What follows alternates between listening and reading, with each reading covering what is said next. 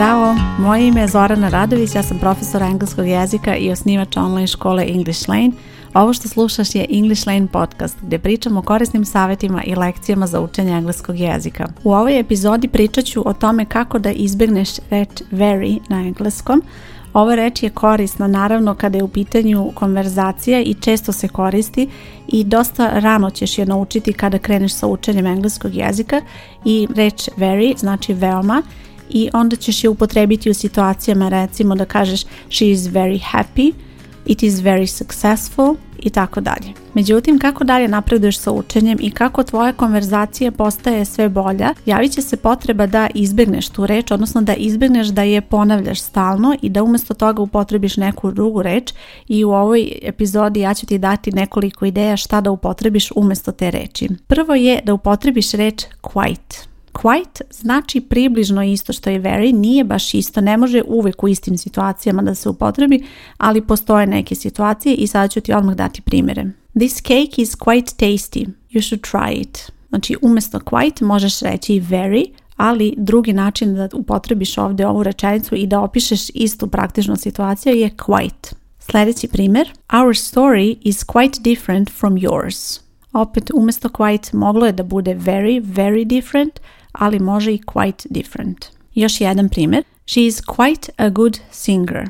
Quite a good singer. Može biti very good singer. Samo zapamti kada koristiš very, bit će she is a very good singer, a kada je quite, she is quite a good singer. Malo je drugačiji red reči, samo na to obrati pažnju. Još je bitno da zapamtiš kako se piše ova reč quite. Ona ima e na kraju, a ako nema e na kraju, ako je t na kraju, onda je to druga reč koja se čita quiet. Znači bitna su ta dva slova t, e na kraju, koja je kombinacija. Ovdje na kraju ove reči quiet bit će t, e na kraju. Sljedeći način da izbjegneš reč very je da upotrebiš reč pretty. I ova reč ne može baš apsolutno uvek da se upotrebi, ali u mnogim situacijama vidjet ćeš da možeš da kažeš pretty umjesto very. Things are pretty good at the moment. Pretty good. Moglo je biti i very good. She is pretty happy with the results. Umjesto toga moglo je biti i very happy.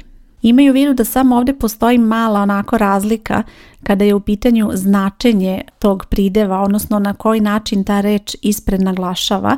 Very happy je veoma srećna, a pretty happy je malo manje srećna, znači nije isti intenzitet tih prideva.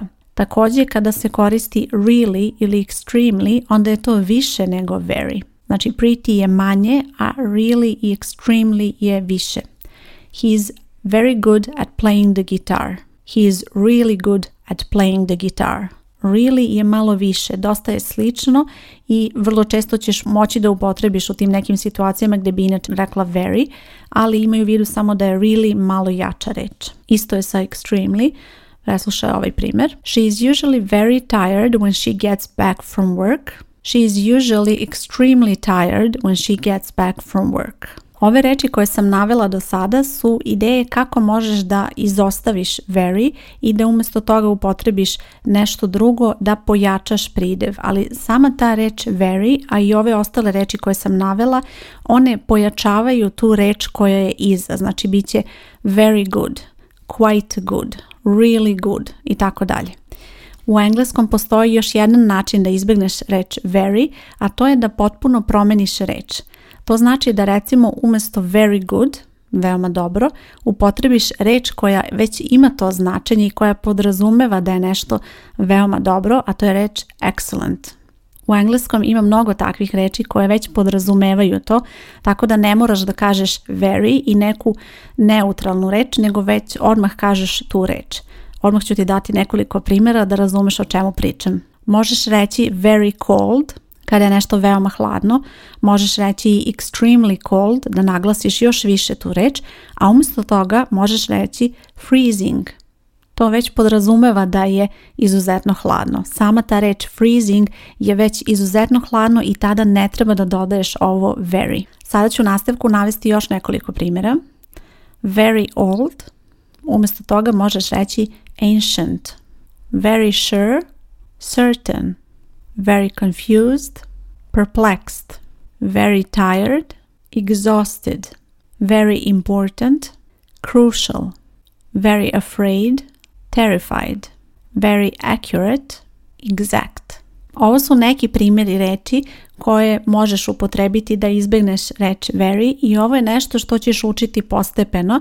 Znači nemoj, ako si na početnom nivou, slobodno se osloni na reč very, ona je veoma korisna da ti pomogne kada želiš da naglasiš neko značenje neke reči, jer sasvim je normalno da reči koje sam ja sada izgovarala uz very, znači old, sure, tired i tako dalje, to su reči koje ćeš naučiti ranije, mnogo ranije kada kreneš sa učenjem engleskog jezika, a tek kasnije kako kako napreduješ i kako prelaziš na sljedeće nivoje, onda dolaze na red ove reči koje sam sada izgovorila u drugom delu, kao što su ancient, perplexed, exhausted i tako dalje. To su reči koje ćeš kasnije učiti i kasnije ćeš imati i mnogo više sigurnosti da ih upotrebiš. Imaju u vidu da nije neispravno reći very old, recimo, i koristiti very uz prideve koje već znaš, to nije ništa pogrešno.